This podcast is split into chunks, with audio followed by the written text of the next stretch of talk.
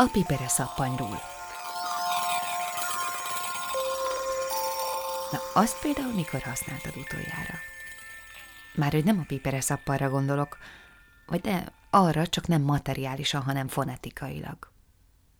Ott nyalogattuk el a végét a kollégiumban, emlékszel?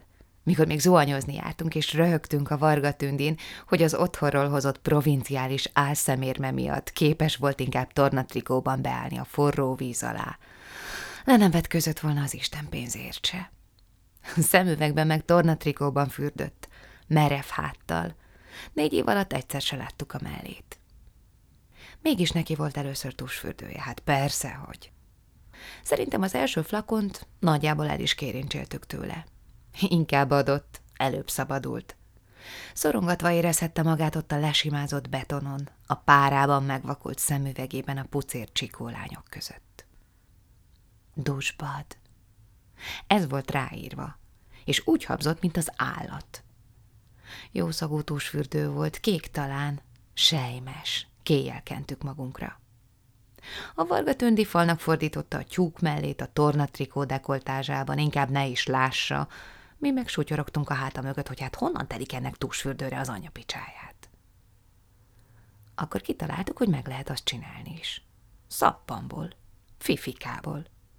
Csak sajtreszelőt kell keríteni hozzá. A reszelőért a Rozi anyunál kellett lobbizni a menzán.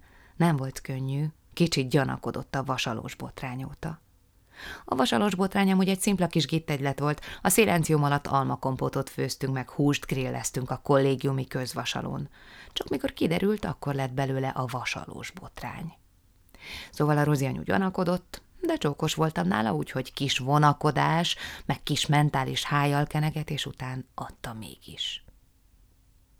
Egy fél szappant áldoztunk be. A márandi fél faszappanát, azt kevertük vízzel. Azért csak felett, ha mégsem működne a dusbád, azért az Andinak legyen mivel fürödnie.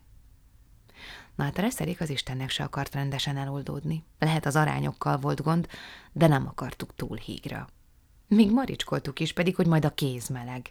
Megrázogattuk sokáig felváltva a samponos flakonban. Aztán rámondtuk, hogy jól van, kell még neki pár nap. Hagytuk érni. Egy hét múlva is darabos volt, de valami fénye lett. Akkor eldöntöttük, hogy kész. Jó lesz az? Jó lesz. Testületileg vonultunk a zuhanyzóba, az egész kettes szoba. Tesztüzem, na kenjed. Kenem. Na, milyen? Nyálkás volt. A piperezappanon átütött valami kicsit karcos, kesernyésre pálott nyári lefolyószag. Jó, csak... Na, valami hülye szaga van. Hát majd folyunk bele dezodort mondta az Elvira így röviduval, ezt hozta sárbogárdról.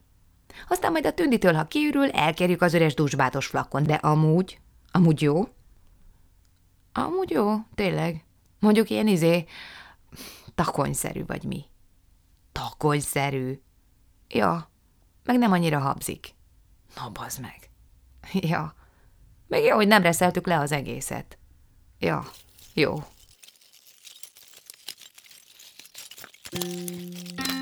Thank